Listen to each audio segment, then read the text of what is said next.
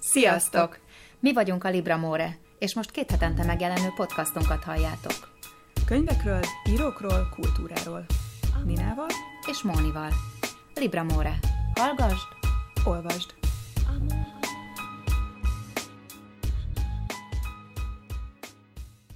Sziasztok! Hello! Ez itt a Libra More hetedik adása. És most is nagyon sok érdekes témát hoztunk nektek. Először is a Növényevő című Hong Kong regényről fogunk beszélni, amely 2016-ban elnyerte a nemzetközi Man Booker díjat. És utána a szerkesztőjével, Greskovics Endrével is hallhattok egy beszélgetést, egy nagyon érdekes interjút. Greskovics Endre egyébként arról is híres, nagyon jó fordító, hogy Rusdit ő fordítja magyarra. Viszont ezt a regényt nem ő fordította, mert koreaiból fordították az eredetet. Igen, egy, do- egy dél-koreai írónőnek a regényéről van szó, amit a jelenkor néhány hónappal ezelőtt adott ki, és egy nagyon-nagyon különleges hangulatú regény. Erről, erről is fogunk majd beszélgetni. Ezen kívül én a Louisiana Literature Fesztiválról Mhm. tartok majd egy rövidke élménybeszámolót. Dánia, egy, egy Dán irodalmi fesztiválról van szó, ahol augusztus végén jártam, és nagyon szuper volt, nagyon, nagyon sok beszélgetés láttam többek között Paul Osterrel és Zadie Smith-szel. Ez lesz a mai adásunk egyik témája. Kíváncsian várom. Én is hasonlóan érdekes dolgot tudok villantani a könyves kalendárium című blokkunkat, amelyben... Ott is csupa szupersztár lesz, Hát gondolom. egyébként ez így van, csak ők már egy picit halottak. Úgyhogy hallgassatok bennünket.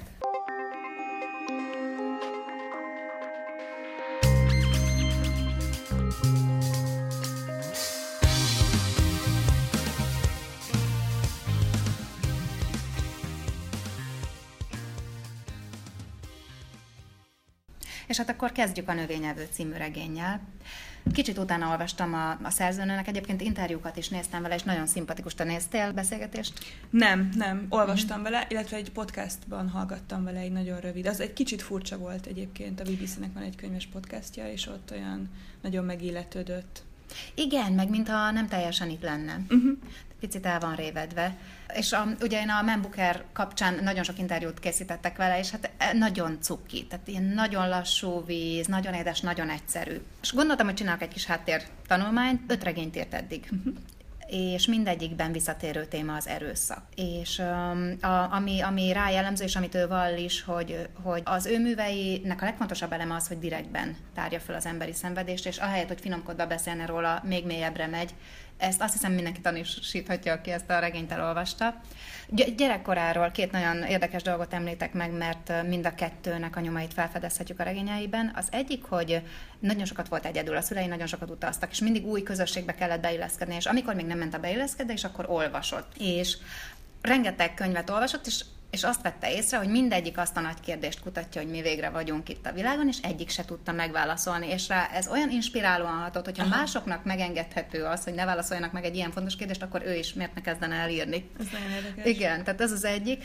A másik pedig a képzőművészet, a többi regényet nem olvastam, de a képzőművészet ebben a regényében is nagyon hangsúlyosan van jelen, és náluk lakott a nagynénye gyermekkorában, aki, aki művész volt, képzőművész volt. Egyébként az egész család művész. Igen, mondjuk igen, el, hogy igen, apu igen. is író, meg a testvére is, a bátyja vagy az öccse, azt nem tudom pontosan, de ő is író, úgyhogy Igen, hardcore család.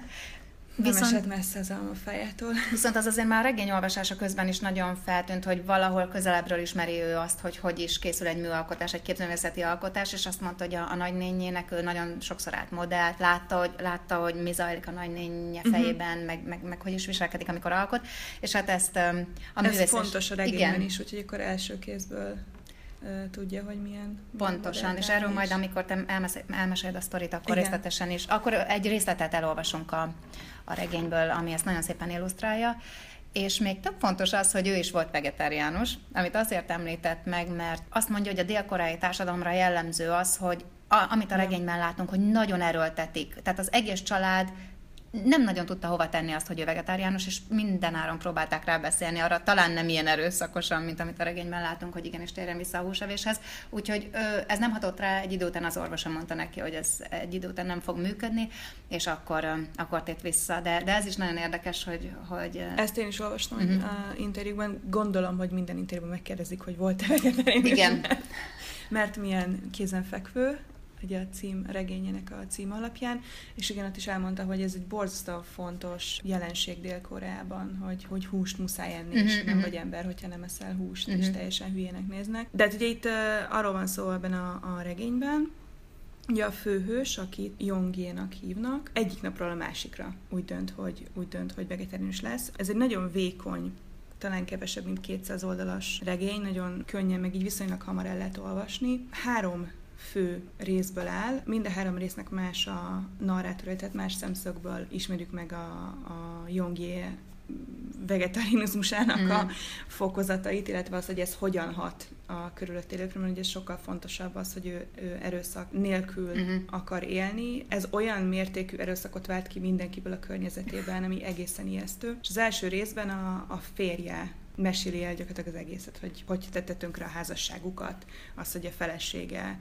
akit pont a középszerűségért, meg a, meg a jellegtelenségért vette el, ezt így így ki is mondja. Igen. Egyik napról a másikra úgy döntött, hogy nem fog se húst enni, se húst húsos ételeket főzni. Minden, tehát a, a hűtőből is kidobta a drága húsokat, és ez felháborító, és, és ugye gyakorlatilag a házasságú felbomlását, amit nem tudom, hogy mennyire tartunk tragikusnak, azt hiszem, hogy sok szempontból ez egy szerencsés, szerencsés fordulat. Azzal együtt meséli el a, a férj ahogyan a feleség egyre mélyebben utasítja el a, a húst így minden, minden formában, tehát a szagoktól is rosszul van, a férjétől is rosszul van, tehát a húsevő embereknek a, a szagától is rosszul van. A második részben a sógora azt mutatja be a regény, hogy a, erre a férfira, aki egy elég sikertelen videoművész, hogyan hat a sógornőjének a vegetarinizmusa, illetve az, hogy, hogy egy teljesen, teljesen egyre jobban eltávolodik gyakorlatilag a hétköznapi megszokott társadalmi normáktól, meg konvencióktól, mert nyilván mások szerint megőrült, tehát van egy, mm. van egy ilyen né- nézete is, vagy, vagy, vagy nézőpontja ennek, és ebből a részből fog most a Moni felolvasni néhány bekezdést. Igen, most itt arról van szó, hogy a, a férj, a, a videóművész férj rákattan a sogornője feneként található mongol foltra. Ezt onnan tudja meg, hogy a saját felesége meséli el neki, hogy surprise, surprise, a huga vagy növére fenekéről nem tűnt el az a folt, amely csak csecsemőkorban szokott Igen. ott lenni, és később el szokott tűnni. És az annyira foglalkoztatja a videóművész fantáziáját, hogy eldöntötte, hogy ő ezt képzőművészetté alakítja át. Úgyhogy nem... És egyébként ez fontos, hogy ő korábban nem vonzódott a sógornői. Ja, nem arról van szó, hogy a, hogy a házasság óta folyamatosan szeretné megcsalni vele a feleségét, Igen. hanem pont, hogy a hirtelen támadt vegetarinizmusa az, ami, ami kiváltja igen. ezt a szenvedélyt. 83.-84. oldalról olvasunk egyébként. A férfi visszatartott lélegzettel bámult a sógornője fenekét. A valamivel feljebb található két bemélyedést általában angyali mosolynak nevezik. A feneke bal felső részén látható mongolfolt hüvelykúj méretű volt. Mégis, hogyan maradt meg? Érthetetlen az egész. Pedig kétségkívül mongolfolt, az enyhe zúzódásra emlékeztető halvány, kékes-zöld pötty. Valami ősi dolognak, még az evolúció előtti emléknek, vagy a fotoszintézis nyomának tűnt, és ő meglepődve eszmélt rá, hogy nincs benne semmi erotikus, inkább növényinek lehet mondani. És hát ugye eldönti, most egy picit ugrunk, hogy fest a sogornője testére, és utána ezt veszi föl, ezt a folyamatot veszi föl majd videóra. Rögzítette a kamerát a háromlábú állványon, beállította a magasságot, majd a képkivágást úgy, hogy a mesztelen test beleférjen a képkockába.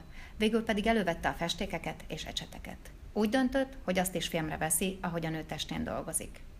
Először félresimította a nővállára hulló haját, majd a tarkójától lefelé haladva virágokat kezdett festeni.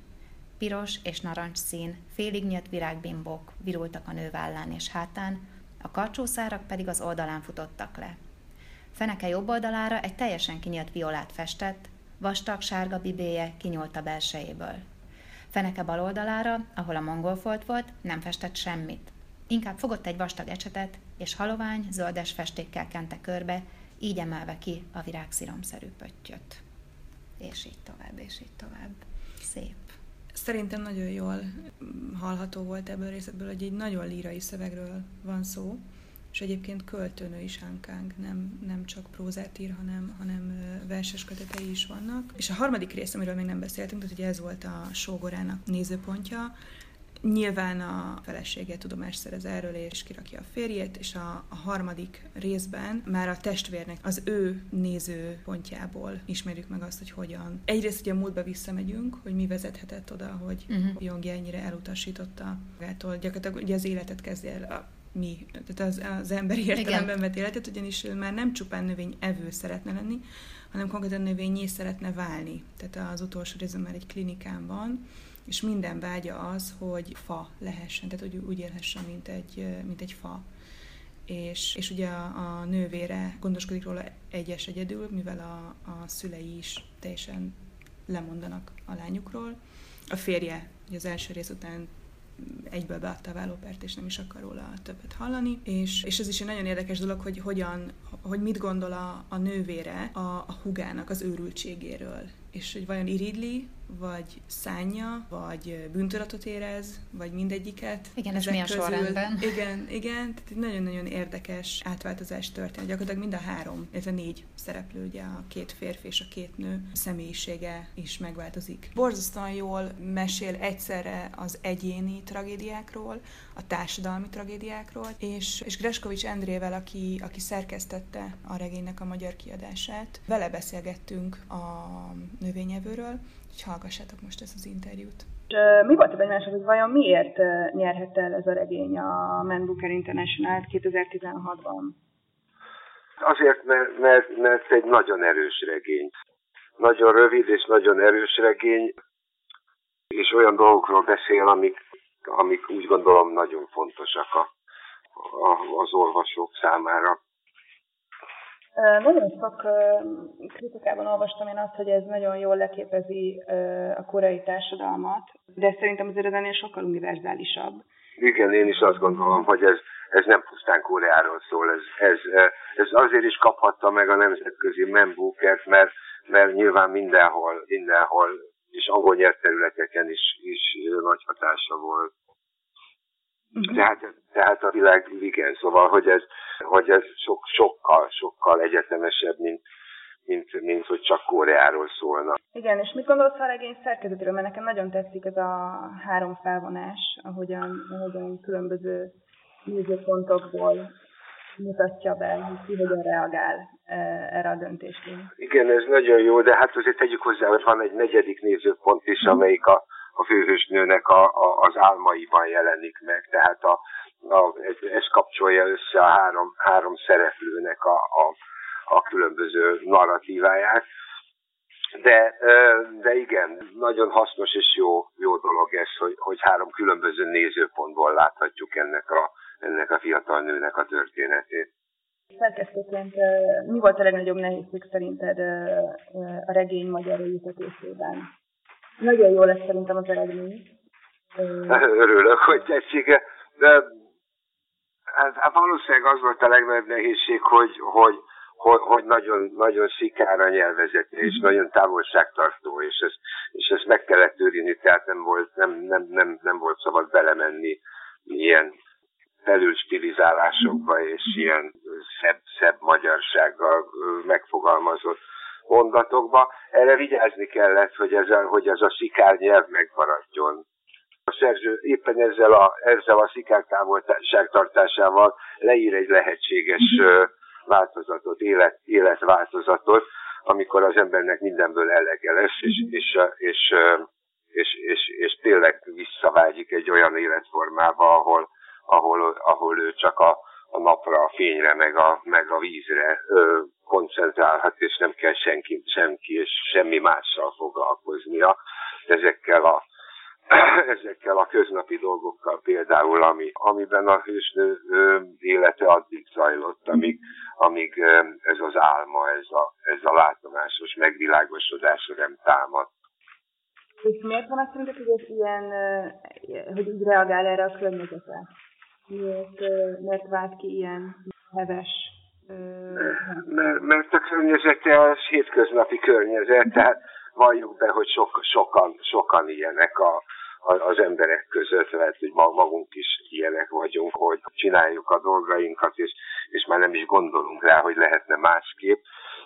A környezete pedig teljesen értetlenül áll azelőtt, hogy, hogy, hogy ez a nő egyszer csak egyszer csak valami mást akar, és méghozzá gyökeresen mást, olyasmit, amit, amit ők el se tudnak képzelni, és amiről, amit meg se tudnak magyarázni, hiszen, hiszen csak, csak valami pszichés, valami elbebeli problémával tudják, tudják megindokolni, sőt, még a kórházban is az orvosok is. Igen. Tehát nem csak a közvetlen környezete, hanem, hanem az egész társadalom. Szóval, hogy ettől ilyen jó és erős ez a regény, mert mert felvázol nekünk egy, egy lehetséges utat, amit ugye nem kell követni, mert hát ugye ez, ez, ez, ez nem, az irodalom nem erről szól, hogy akkor azt csináljuk mi is úgy. De igen, attól erős a regény, hogy, hogy megjeleníti ezt az utat, és hát ugye nem, nem, nem, nem a koreai szerzőnő volt a, az első nyilván, aki, aki ilyeneket írt, mert azért vannak, vannak előképei az irodalomban, de, de hát mindenképpen, mindenképpen nagyon, nagyon erősen és nagyon melbevágóan és nagyon brutálisan tudta ezt az egészet megfogalmazni.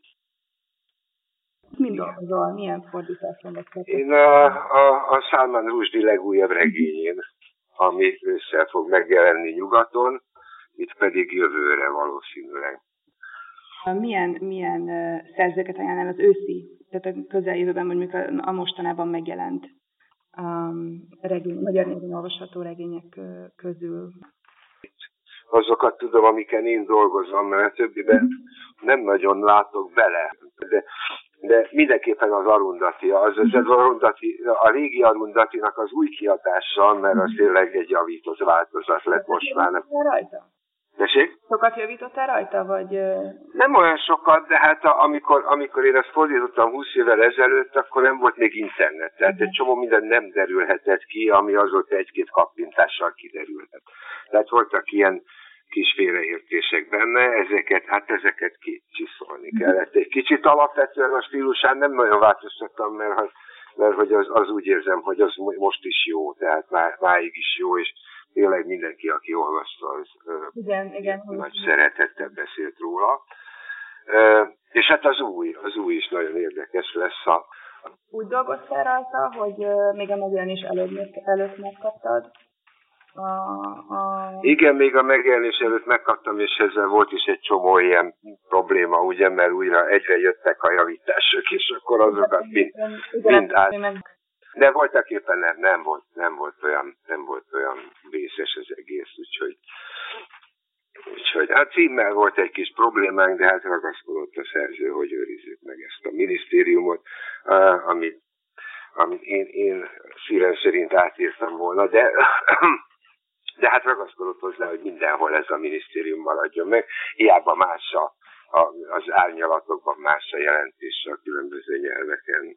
Ez nagyon érdekes, ezt nem tudtam, hogy ilyen szinten jóvá kell hagyatni a címet, hogy... Igen, Arundati nagyon, nagyon ragaszkodik a mindenhez, minden aprósághoz, ellentétben a Rúzsdival, akin sokkal nagy vonalú, és azt mondja, hogy hadd had menjenek, hát persze, így nyilván.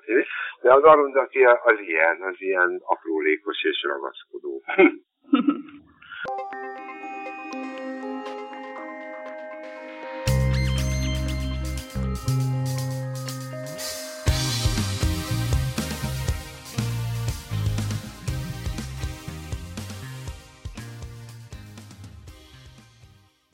tudom, hogy te messzebbre utaztál, mint én a Sashegyig. Hát igen, jóval messzebb.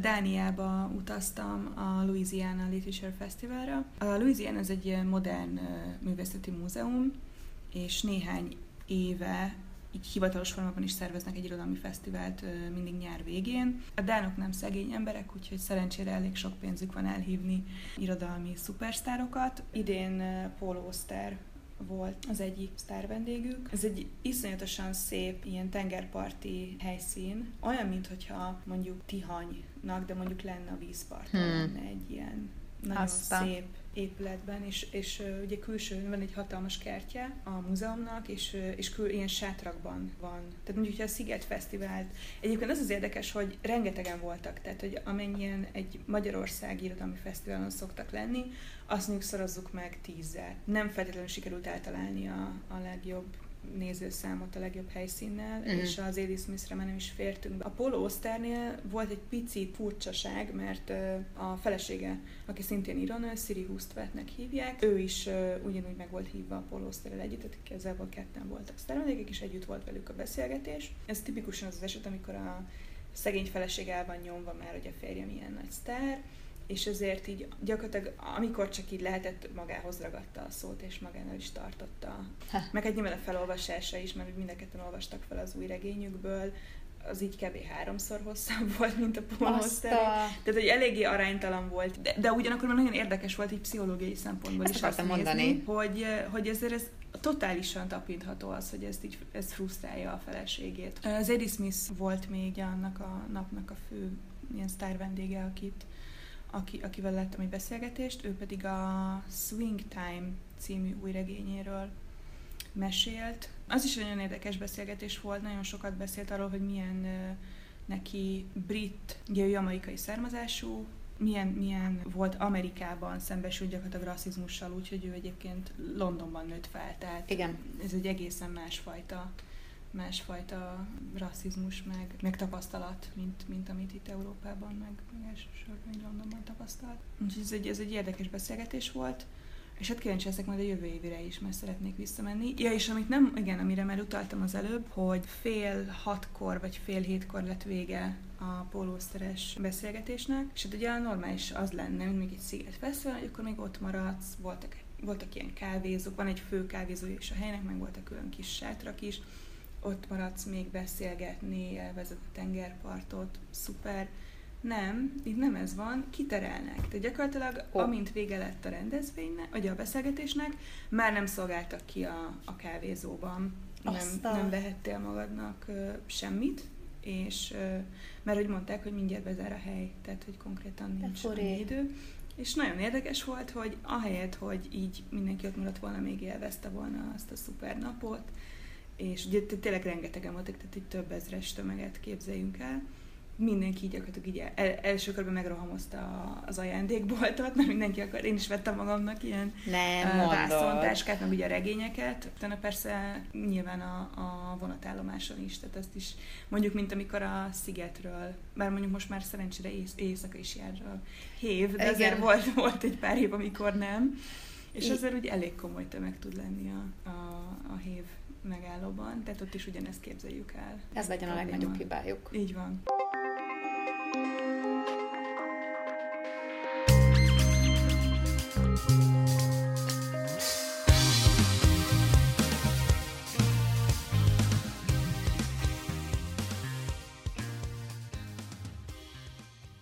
Nézzünk egy villámgyors könyves kalendáriumot.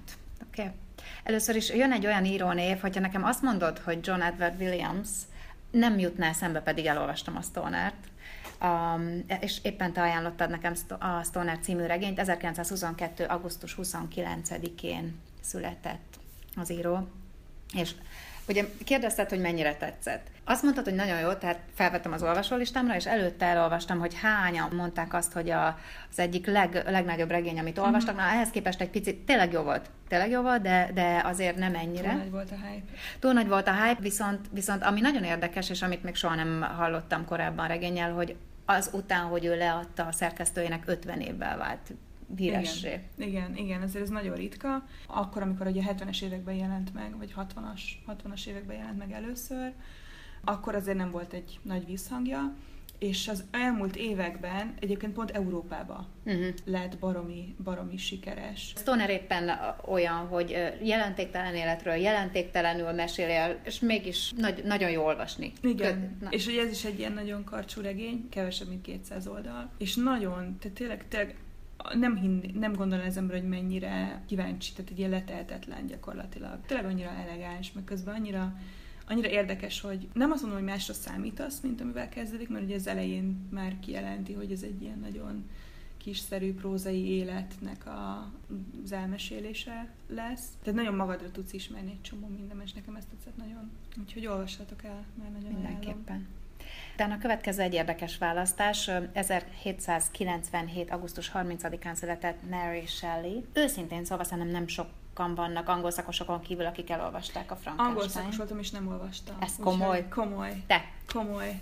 Nagyon ajánlom. Az egyik. Tehát ugye mindenki azt gondol, tehát a Frankensteinról a film emlékeink vannak meg, és nekem egyszer volt egy ilyen katonásom, hogy egy fél évben elolvastam mindent, ami uh-huh. akkor kötelező volt, és hála Istennek Mary Shelley beleesett. Egy szép reményű ifjú tudósról van szó, aki, aki nagy morális kérdéseken gondolkodva embert alkot a tudomány erejével, és ebből egy torsz creature születik, aki hiába próbál fejlődni a maga torságában, érzi, hogy nem szerethető, teremtője meg is ilyet tőle, és ezért bosszút esküsz, uh-huh. esküszik teremtője ellen, és nagyon jól van megéve, uh-huh. tényleg tehetséges volt ez a nő. És a harmadik egy halál, Tolkien 1973. szeptember másodikán halt meg. Az az igazság, hogy én nem olvastam a gyűrűk urát, nem is tervezem, nincs bajom a fantazivel, de sajnálomra az idő túl hosszúak ezek a dolgok nekem ebből a műfajból és a film viszont tetszett, de az is csak egyszer. Tehát én nem kerültem bele ebbe az őrületbe, te belekerültél? Én az első rész után olvastam a regényt, tehát nekem kimaradt így kamaszkor, kamaszkoromból, hanem amikor az első, a gyűrűk ura első, első része ment, és ugye úgy volt, hogy egy évet kellett válni, várni a következő részre, hát én nem fogom kivárni ezt az egy évet. Úgyhogy gyakorlatilag így december, emlékszem, hogy karácsony, mindig karácsony körül vannak ezek a nagyon komoly igen, ilyen, igen, igen. szuper, ilyen blockbuster premierek, és ez is az volt.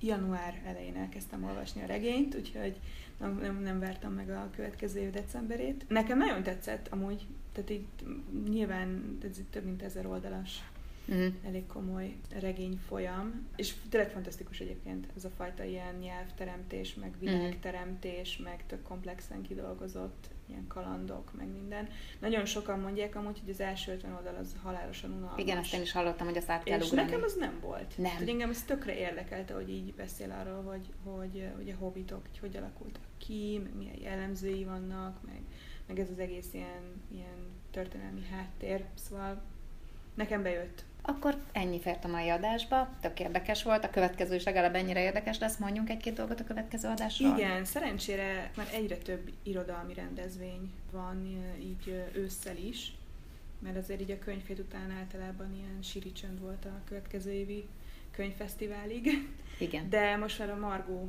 Margó is visszatér ősszel, és ráadásul nekik van egy díjuk is, ugye a legjobb első könyvesnek járó Margó díj, erről is fogunk beszélni a következő adásunkban. Plusz, mind a ketten oda vagyunk a krimikért.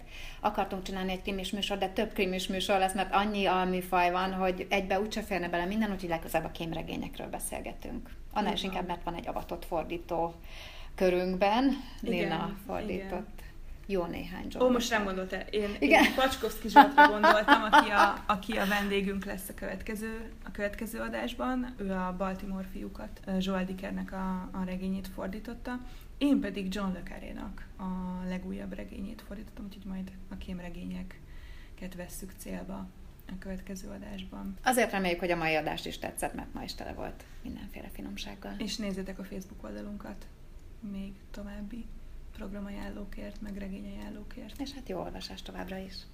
Sziasztok!